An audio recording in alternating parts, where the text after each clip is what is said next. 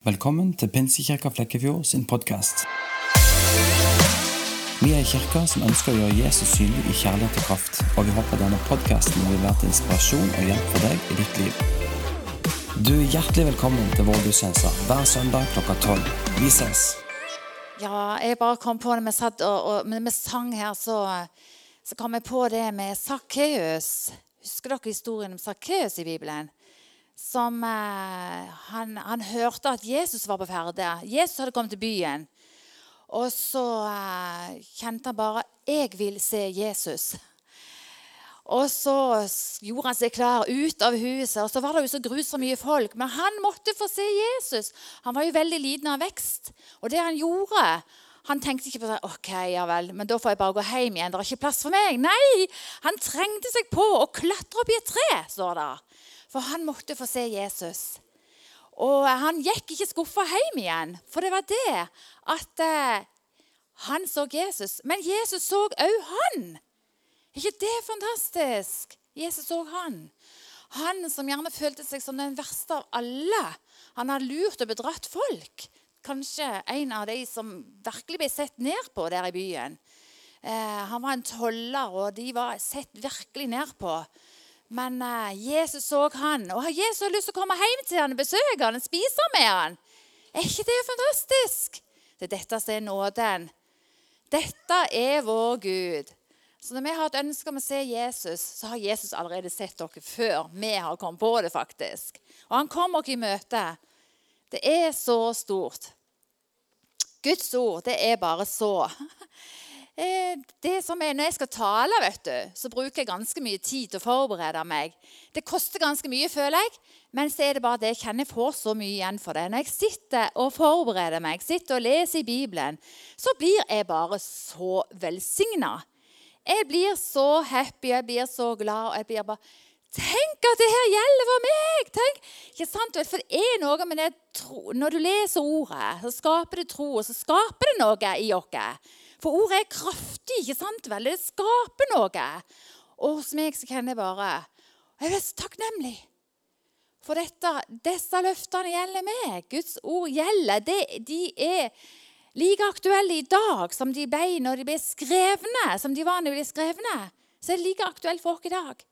Og som vi òg hørte om helbredelse, som det skjedde veldig mye av for 2000 år siden, når Jesus gikk omkring, så er det faktisk det tilgjengelig for oss i dag. Og det er så nydelig å høre vitnesbyrdene, for det skaper tro. ikke sant vel? Og vi trenger å uh, forøke vår tro. Det skaper på en måte en ny gnist i oss alle sammen. Ja, så uh, Gud velsigne deg, Renate. Og, og de som ennå gjerne går, går, og har mye de ber om, så ennå ikke de har sett bønnesvar på så, så, som jeg sa her, da, at eh, ja, vi fester blikket vårt på Jesus og bare proklamerer løftene. Løftene tilhører meg. Så er det ikke jeg som skal ha ansvar for at de løftene skal gå i oppfyllelse. Jeg priser deg uansett, du Gud. Ikke sant vel? Jeg ønsker bare å ære deg og prise deg uansett. I Salme 37, 37,4 så står det Eh, gled deg stort i Herren. Gled deg stort i Herren. Det er det vi skal gjøre først og fremst. Så skal Han gi deg det ditt hjerte begjærer. Så om bønnesvaret kom i dag, eller om det kommer kanskje ikke før om noen år, så holder vi ut i bønn for det som vi har tro, for tro for, som det kjenner bare ligger på hjertet vårt. Og han vil svare. Han har lovt at han vil svare. Mm. Er ikke det fantastisk? Og I det så er det òg en hvile. Det er, jeg skal ikke prøve å få dette til. Det er du, Gud, som gjør det. I dag skal jeg snakke om arven. Er det noen som er arvinger her inne? Ja! Kristoffer er arving etter meg og Arild. Ja, Kim André òg. Og de er så happy for det. Jeg håper det blir igjen noe til dem. Men er det, er det noen som har arva her inne? Dere trenger ikke opp med hånda. Men jeg kan si at jeg har arva, og det var veldig kjekt. Ja, Kanskje det er andre òg som arva. Og kjenn på det. At det er kjekt å arve. ikke sant? Det betyr noe for oss.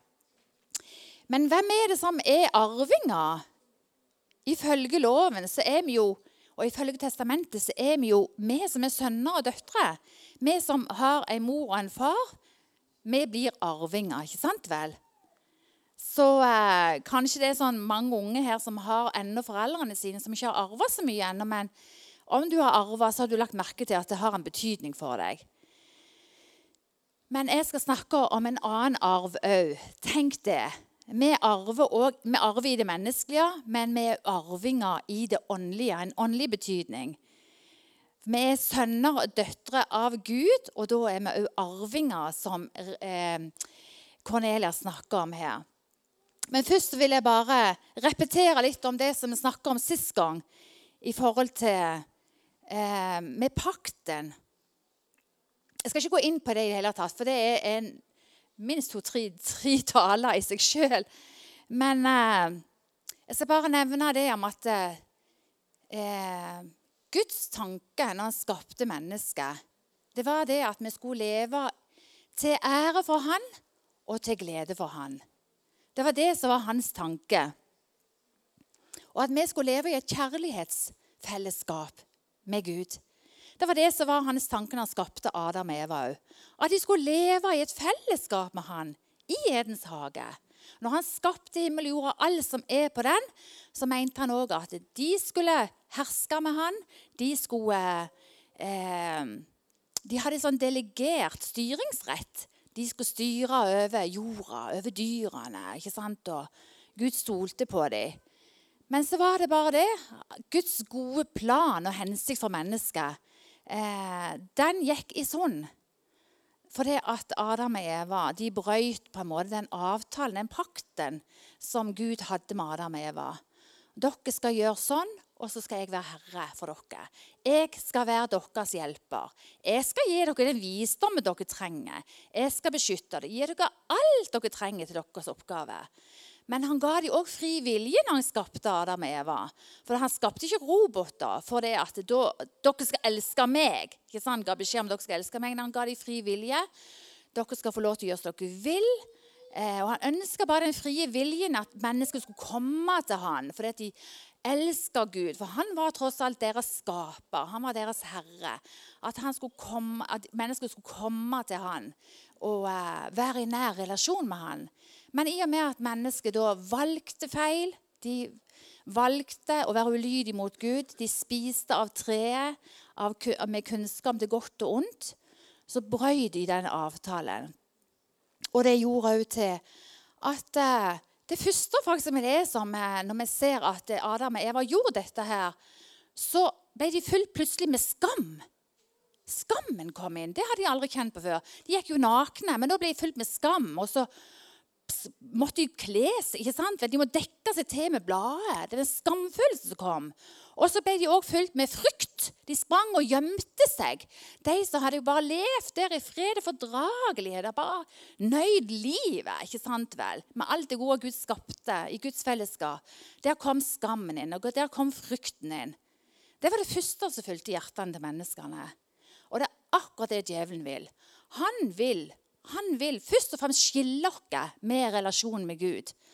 Han vil fylle vårt hjerte med skam, med frykt, med motløshet, med ja, 'Jeg må bare klare meg sjøl', ikke sant vel? Og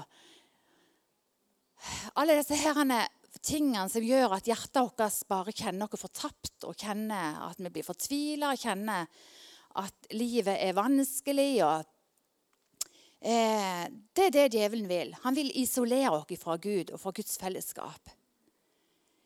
Eh, og, det er motløshet og alt det her. Det kommer ikke fra Gud. Gud hadde tenkt at vi skulle leve sammen med han og bare være frie og glede oss i han. Leve et farsforhold med han. Så alle de tingene vi kan gå og kjenne på av og til, det, det er ikke Guds tanke, det er ikke Guds plan for vårt liv. Så i og med at de nå var valgte å, eh, å, å spise dette treet, så ble de fulgt av på en måte sunden. Og de måtte ut av hagen. Dette knuste jo Gud fullstendig. Dette var jo ikke Guds plan og tanke i det hele tatt. Og han så at dette var aldeles ikke det beste for mennesket. Men heldigvis at Gud hadde en plan helt i forbindelsen, hvordan han skulle ordne opp i disse tingene her, for å på ny få en kontakt, en relasjon med mennesket. For det at Gud ville jo ikke at eh, Gud ville ikke at vi skulle, altså Han ønska å leve i en relasjon med mennesket.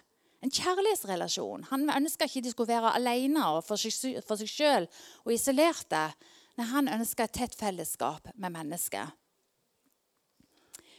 Og eh, jeg tenker også på det tenkte på det når jeg hadde forberedt meg, at de, de, spiste av kunnskapens tre. ikke sant vel? Kunnskapens tre. Gud vil ikke at vi skal først og fremst være full av kunnskap. Sant? Han vil at, han vil at vi skal stole på han, ha et, et barnslig tillit til Gud. Et hjerteforhold til Gud. Ja, vi, vi, blir jo fulle av kunnskap, ikke sant vel? men vi skal ikke leve ut fra kunnskapen. Vi skal leve ut fra hjerteforholdet til Gud. Hva Gud har talt i Guds ord, og at vi skal tro det og ta det imot i hjertet vårt, i vår ånd. Men nå ble de jo fullt av kunnskap, ikke sant vel? Og så levde de ut fra kunnskapen. Jeg er jo ser sånn ut. Ikke sant? Hva har skjedd nå? Wow! Nå må jeg springe og gjemme meg. Det var kunnskapen som kom inn. Og det knuste jo Gud fullstendig. Vi har så lett for å tenke at Gud, hvem er han? og alt, ikke sant? Men dette er vår Gud. Han har følelser. Og det knuste han fullstendig. Vi leser det jo i Guds ord, ikke sant vel? Og vi tar det imot i tro. Og vi vet at Gud er god. Han er god, men han er òg rettferdig. Og han kunne ikke ha synd i Edens hage. Derfor måtte vi ut av Edens hage. Men han var med dem. Han ville ha et forhold til menneskene likevel. Eh, der, altså, jeg tenkte på det her med at Gud prøvde å oppnå kontakt med mennesker gjennom både Noah og gjennom alle de menneskene som levde i ettertid av Adam og Eva òg. Og opp, oppretta en, eh, en, pakt med Noah òg. Dere vet pakten der han oversvømma jorda, ikke sant vel? Når han så hva som skjedde da med, med jorda, så etterpå så oppretta han en pakt med Noah og hans familie. Og pakten, paktens tegn den tida det var og òg nå, det er regnbuen. Han satte en regnbue på himmelen. For det var et løfte. Jeg skal aldri mer oversvømme jorda. Så regnbuen den tilhører Guds ord den tilhører oss. For det er et paktstegn på at Gud han ønsker å bare være god med oss. Og han ønsker å love det han har holdt. Hans løfter de gjelder i dag òg. Så om det er oversvømmelse på jorda, så er ikke det Guds vilje. En bare har litt vann, Cornelie, hvis du gidder. Eh, men så oppretter han en ny pakt med Abraham. Og vi vet at Gud skjønte det, at det kunne aldri nytte å eh, opprette en likeverdig pakt med et menneske. For mennesket ville svikte uansett. Derfor tenkte Gud jeg får ordne opp i dette sjøl. Så han ordnet det opp med seg sjøl. Egentlig med Jesus. For Jesus han har òg vært helt fra tidenes morgen. Han var i første Mosebok. Han har vært fra tidenes morgen. Eh, Faderen, Sønnen, Hellige Ånd. For det står at vi, han skapte i vårt bilde. ikke sant? Det var ikke bare Gud, men i vårt bilde. Så Jesus han har vært fra tidenes morgen. Så Gud ordna opp med Jesus allerede fra Abrahams tid. Der han, vi leser om at Gud oppretta en pakt som gjorde at når han fortalte om løftene til Abraham, så, så gjaldt bare det at Abraham måtte tro. Tro det som ble sagt at eh, For Gud søkte til mennesket for å, å, eh, at han skulle bli gjenspeilt gjennom mennesket. Og ha en kontakt eh, med mennesket, da han kunne tale til dem og, og vise seg for, for, Abraham hvem han var. I deg, Abraham, så vil jeg velsigne menneskene. Gjennom deg og din ett så vil jeg vel velsigne mennesket. Og jeg vil være din beskytter, jeg vil være ditt skjold, jeg vil være din forsørger. Ikke sant vel? Eh, men jeg, Abraham, han var jo gammel var han, kanskje 80 år, og han hadde jo ikke noen sønner. I deg og i hele din slekt så vet vi det at eh, Gud ordna det sånn òg, på overnaturlig vis, at Abraham og Sara fikk et barn, Isak. Og Gjennom det så fikk de Jakob, og så ble slekta utbredt over Israels folk. Dette var jødene. Dette er det som jeg talte om sist gang. Eh, og så vet vi òg om at Moses, som fikk de ti budene, så var det det at, eh, og loven, så var det det at eh, dere, hvis dere holder alle de budene og lovene, da vil jeg være deres Gud. ikke sant vel? Da vil jeg velsigne dere. Men hvem kunne holde alle de budene og lovene og alt det som var satt opp? Ingen. Det visste Gud òg. Derfor så sa han jeg vet dere vil ikke holde det, jeg vet dere vil ikke klare det, men dere skal slakte et lyteløst lam, et perfekt lam. Hvert år skulle de slakte, og så blodet av dette lammet skulle bæres inn i, inn i det aller helligste.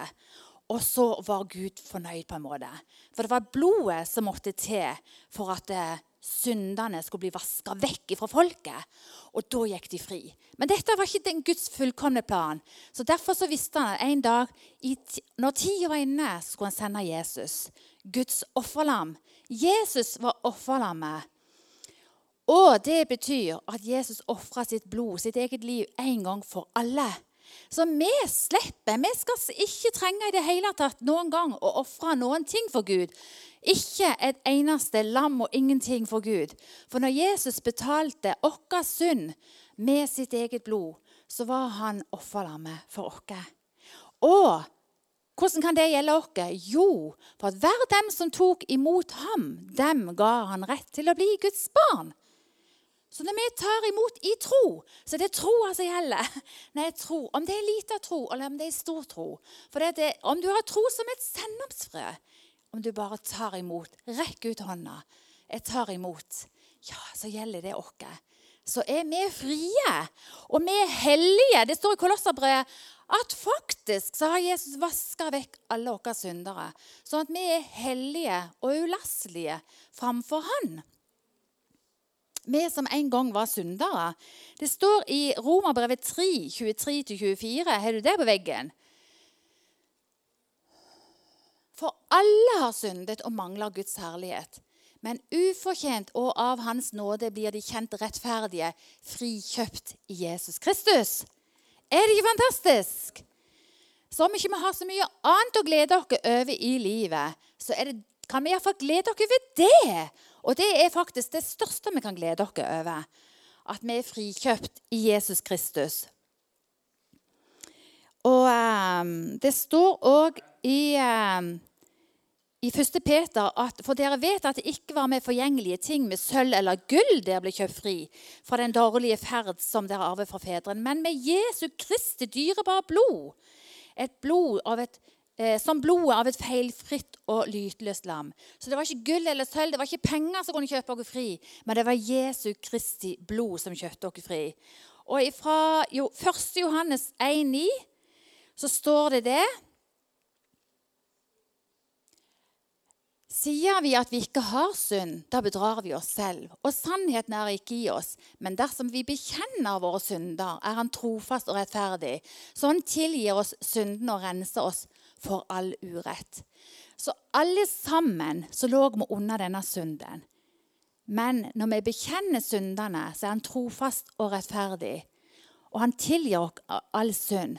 Men vi skal ikke gå rundt og tenke fordi vi gjør noe galt i morgen eller gjorde noe galt i går, og at jeg er en synder. Nei, du er rettferdig. Det er det som er vår tilstand. Vi er rettferdige, himmelen verdige. For Vi kan ikke gå hele veien og tenke at jeg, jeg er en synder. Nei, jeg er visst rettferdig, og så opp og ned. Vet du hva? Vår stilling er i Kristus.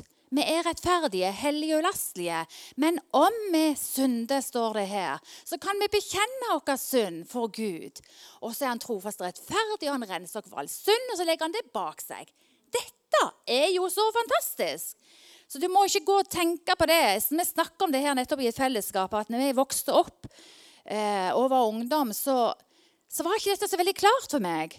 Så jeg gikk rundt og kjente på det hele veien. Når ikke jeg følte jeg var god nok, så følte jeg at jeg var en synder, og at Gud hadde forlatt meg omtrent. For jeg hadde ikke de rette følelsene. ikke sant vel? Og det var forferdelig. Det var forferdelig. For det, at det ble veldig man på det der at du må komme fram og bli frelst. Du må komme, du må, ikke sant, vel? Du, og du gikk rundt med en egentlig veldig sånn dårlig samvittighet hele veien.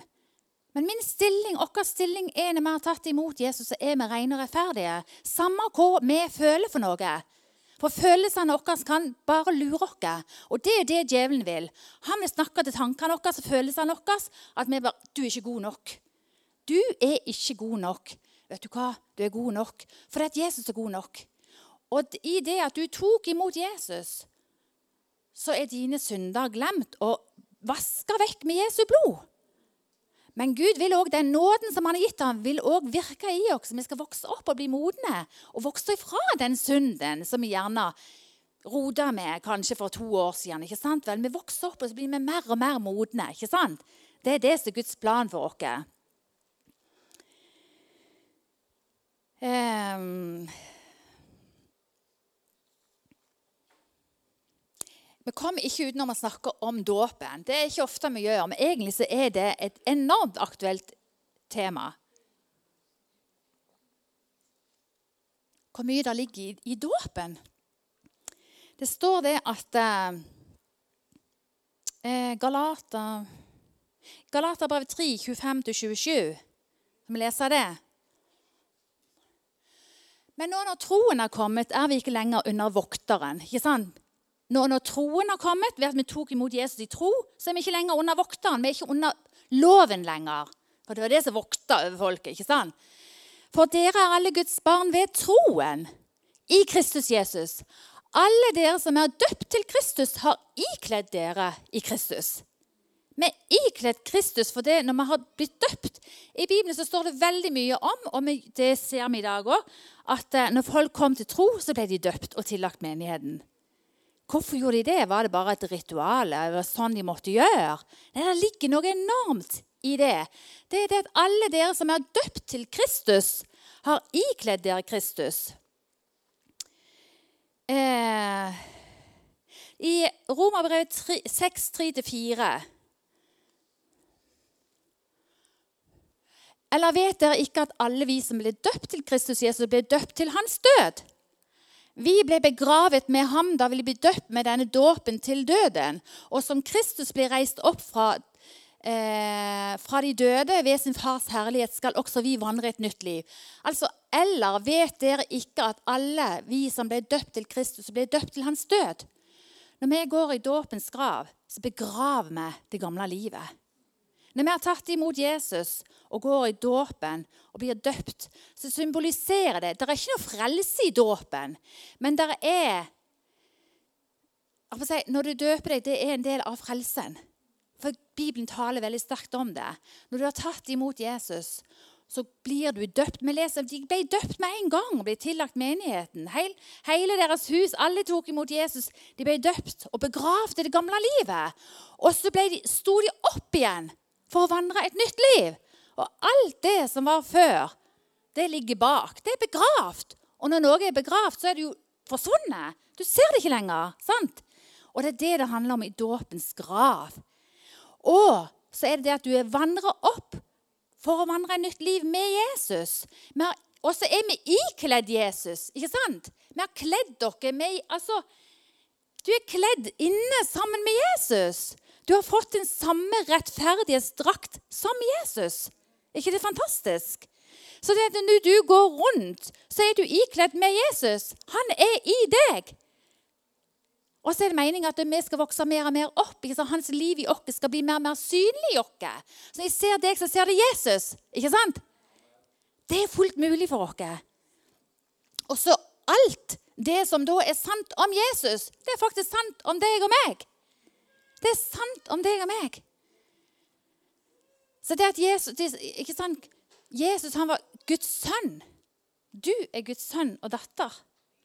Jesus han var hellig og ulastelig. Du er hellig og ulastelig. Og du kan gjøre akkurat det samme som Jesus gjorde. Og vi er satt til å gjøre akkurat det samme som Jesus gjorde. Vi er hans ambassadører. Det betyr representant i et annet land en ambassadør nede i Egypt ikke sant, for Norge. Det er det du er representant for Norge i det landet. Du er en representant for Jesus her nede i Norge, i dette landet. Så det er en representant for Jesus. Tenk for en nåde han har vist dere. Wow! Tenk at han har så tro på dere. Tenk at Gud har så tro på dere. Han har tro på dere fordi Jesus bor i oss. Og at han skal tale til det livet, Den hellige ånden som vi har fått. Det er panten på vår arv. Den hellige ånd. Og gjennom livet med Jesus, Den hellige ånd, så skal vi oppleve at Gud taler til oss og uh, gir oss akkurat det vi trenger uh, i vårt daglige liv. Det som Greta her snakket om, at uh, vi har fått gaver, talenter.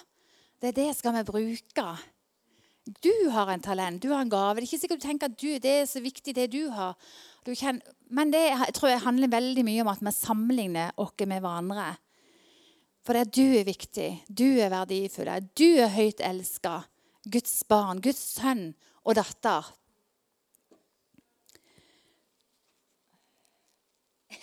Jeg blir litt rørt. Det er så stort, det er så fantastisk, dette budskapet. Og uh, det er som eh,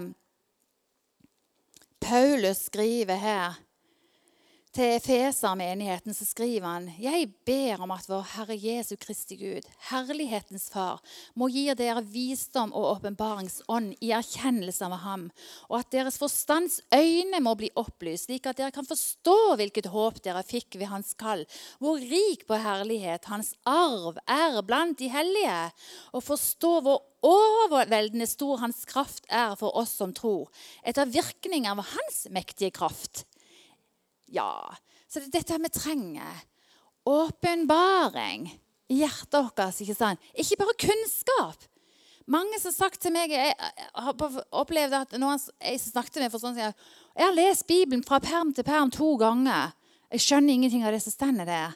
Nei, for det, det, er, det er ikke sant. Gud taler ikke til visdommen. Ja, vi kan forstå mye sånn sett med visdommen, men hvis ikke det blir åpenbart for oss Hvis ikke Den hellige ånd får åpenbart for oss hva Bibelen betyr, så, så, så vil, vi ikke, vil, vi ikke, bli forandra. Så vil det ikke være til glede for oss. Vet du hva? Hva som er vår største arv? Her er det Det gamle testamentet, og så er det Det nye testamentet. Et testamente er skrevet for at vi skal ta, åpne det opp og ta imot den arven som er tilskrevet oss. Det ble så stort for meg i går. Jeg holdt på å lage noe mat, så plutselig bare kjente jeg at Den hellige ånd talte til meg. Wow! Sånn virker jo Den hellige ånd! Jeg leser det faktisk ikke i Bibelen. Jeg har nok lest det før, men OK, ok, så leser du, så leser du. Plutselig så sto jeg der og trykte på mikrobølgeovnen. Wow! Det er jo sånn! Det er jo sånn det virker. Jeg har jo alltid snakket om Det nye testamentet. Ja, men testamentet må jo åpnes opp. Og der er arven skrevet ned. Og så må vi ta det i bruk. Ikke sant? Vi må begynne å bruke det. Ta imot det. Det er så fantastisk! Og jeg måtte bare springe inn og skrive det ned. Jeg må ikke glemme det. Men nå har jeg ikke lest det engang, så husker jeg det. For det er noe med det. Når det blir åpenbart for deg, så sitter det sånn spigra i hjertet ditt. Når det blir åpenbart. Eller så kan du lese det grønne på ting, og du glemmer det. Men du bare sånn Aha! Wow! Det er Den hellige ånd som åpenbarer det. Wow! Det er en sannhet. Og for meg er det sånn Så leser du og leser du leser du ut ifra den åpenbaring du har fått. Og Gud vil åpenbare ordet for deg hele veien. Og så, ser, så, begynner du å lese igjen.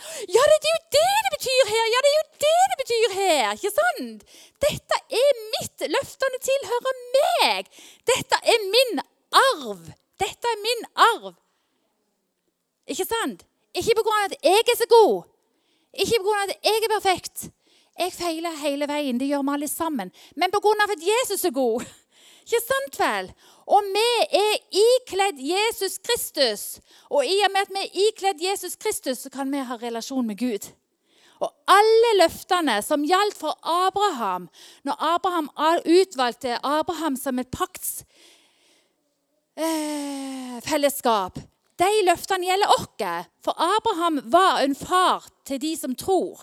Og vi er i samme relasjon, vi er samme slektskap, vi har samme DNA som Abraham. Ikke sant vel? Og Jesus han ble født inn i samme slektslinja. Så det, alle løftene som ble forkynt for Abraham, de gjelder oss òg. Jeg vil velsigne deg. Jeg vil gjøre ditt folk stort.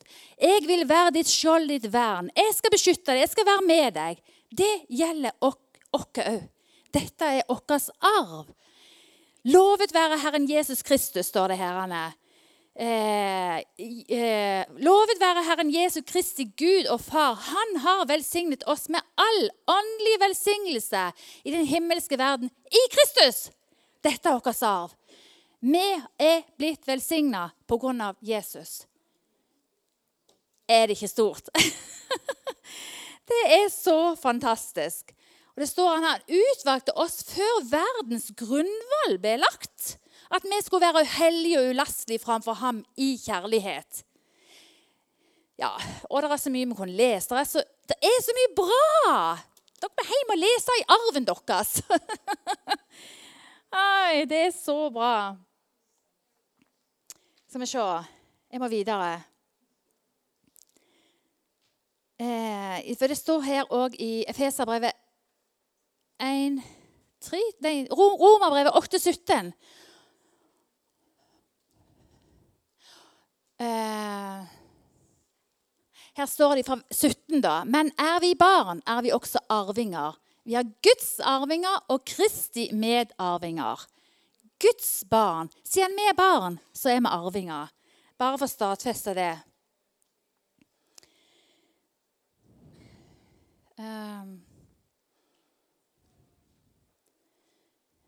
Så står det òg i Efeserbrevet 1, 11-14. Og jeg hadde ikke sagt det til deg, men jeg kan lese det likevel. Klarer du det?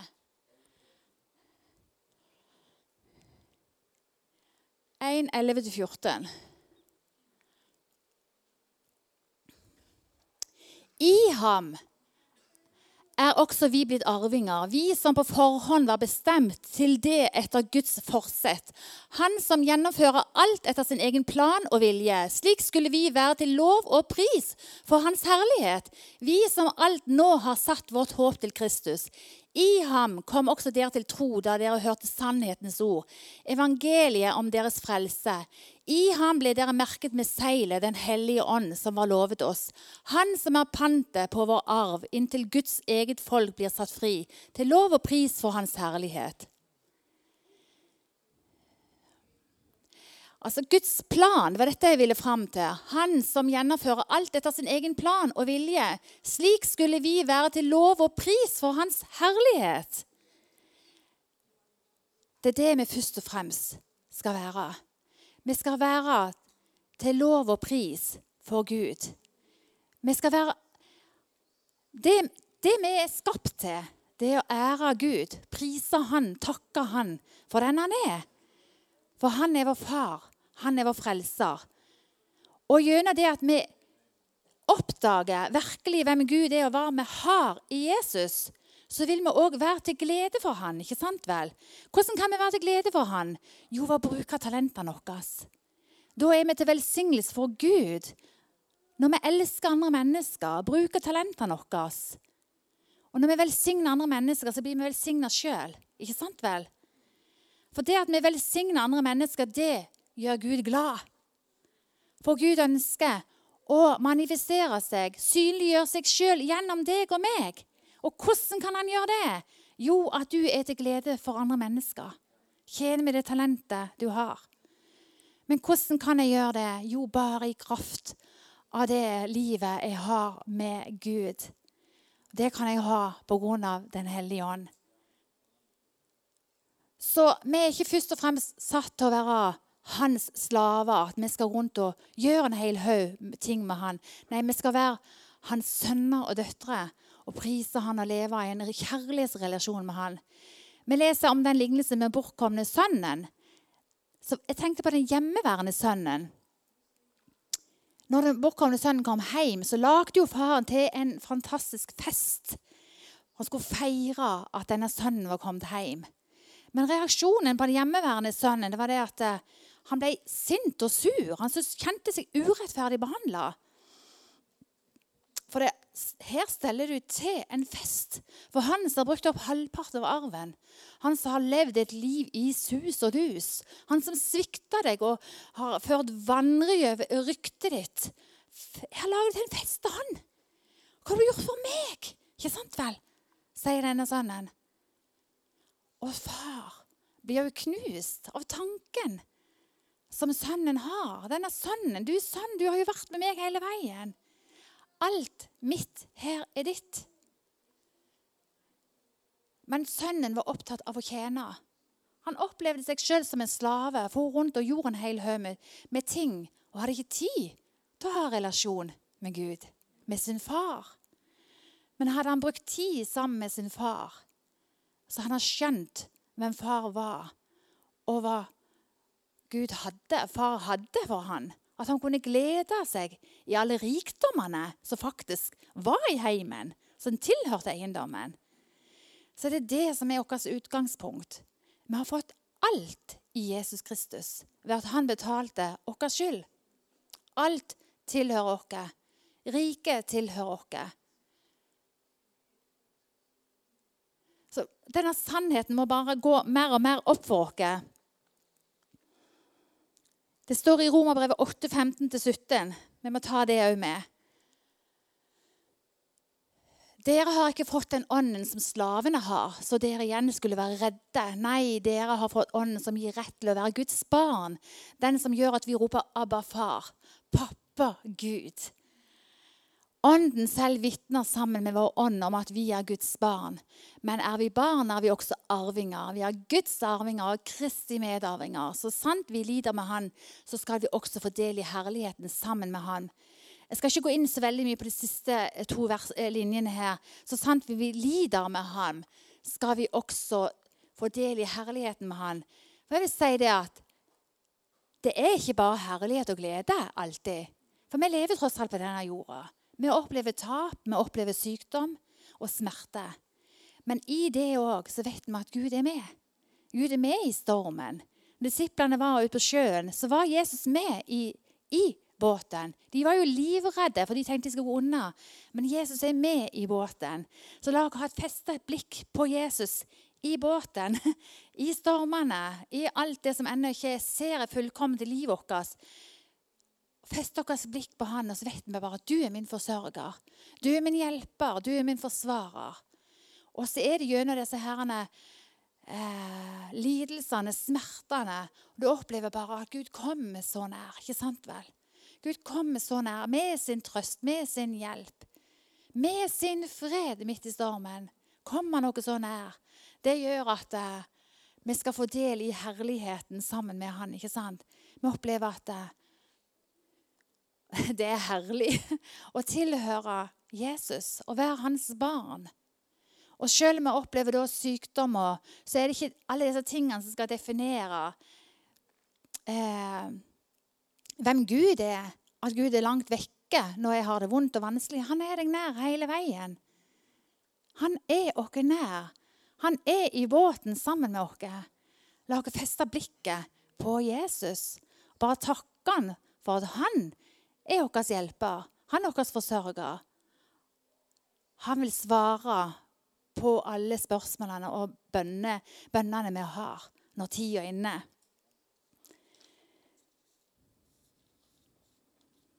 Jeg skal avslutte en øyeblikk. Jeg har bare skrevet litt om det òg på eh, hvordan vi kan ta imot eh, de løftene. Det står da at eh, alle som er født på ny, skal se Guds rike. ikke sant?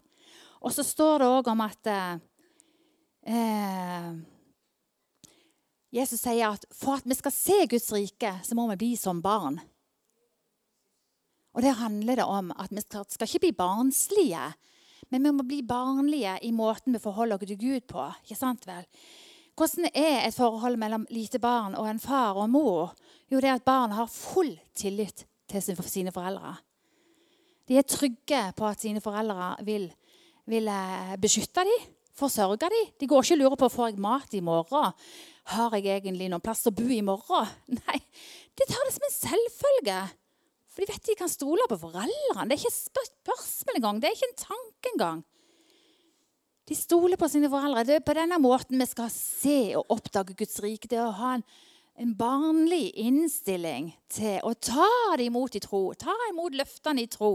Det tilhører jo meg. Selvfølgelig, for jeg er jo barn av en allmektig Gud, som faktisk er min far. Jeg skal ikke si så mye mer om det. Men at vi lever i dette avhengighetsforholdet til Gud, sånn som du ser barna leve i et avhengighetsforhold til sine foreldre. Det er da vi skal oppleve å se enda mer av Guds rike i vårt liv. Løftene gjelder for meg og deg. ikke sant? Og når vi opplever det, det å se virkelig hvem Gud er Han er til å stole på. Han er trofast. Han er min Gud. Han er ikke bare min Gud, han er min far. Han er min forsørger. Så er det dette livet som vi bare vil spire fram i oss. Og da etter hvert så vil vi vokse opp og modnes. ikke sant vel? Og i det så skal vi òg være med å regjere, som det står lenger ute i Efeserbrevet. Vi skal være med å regjere med Gud.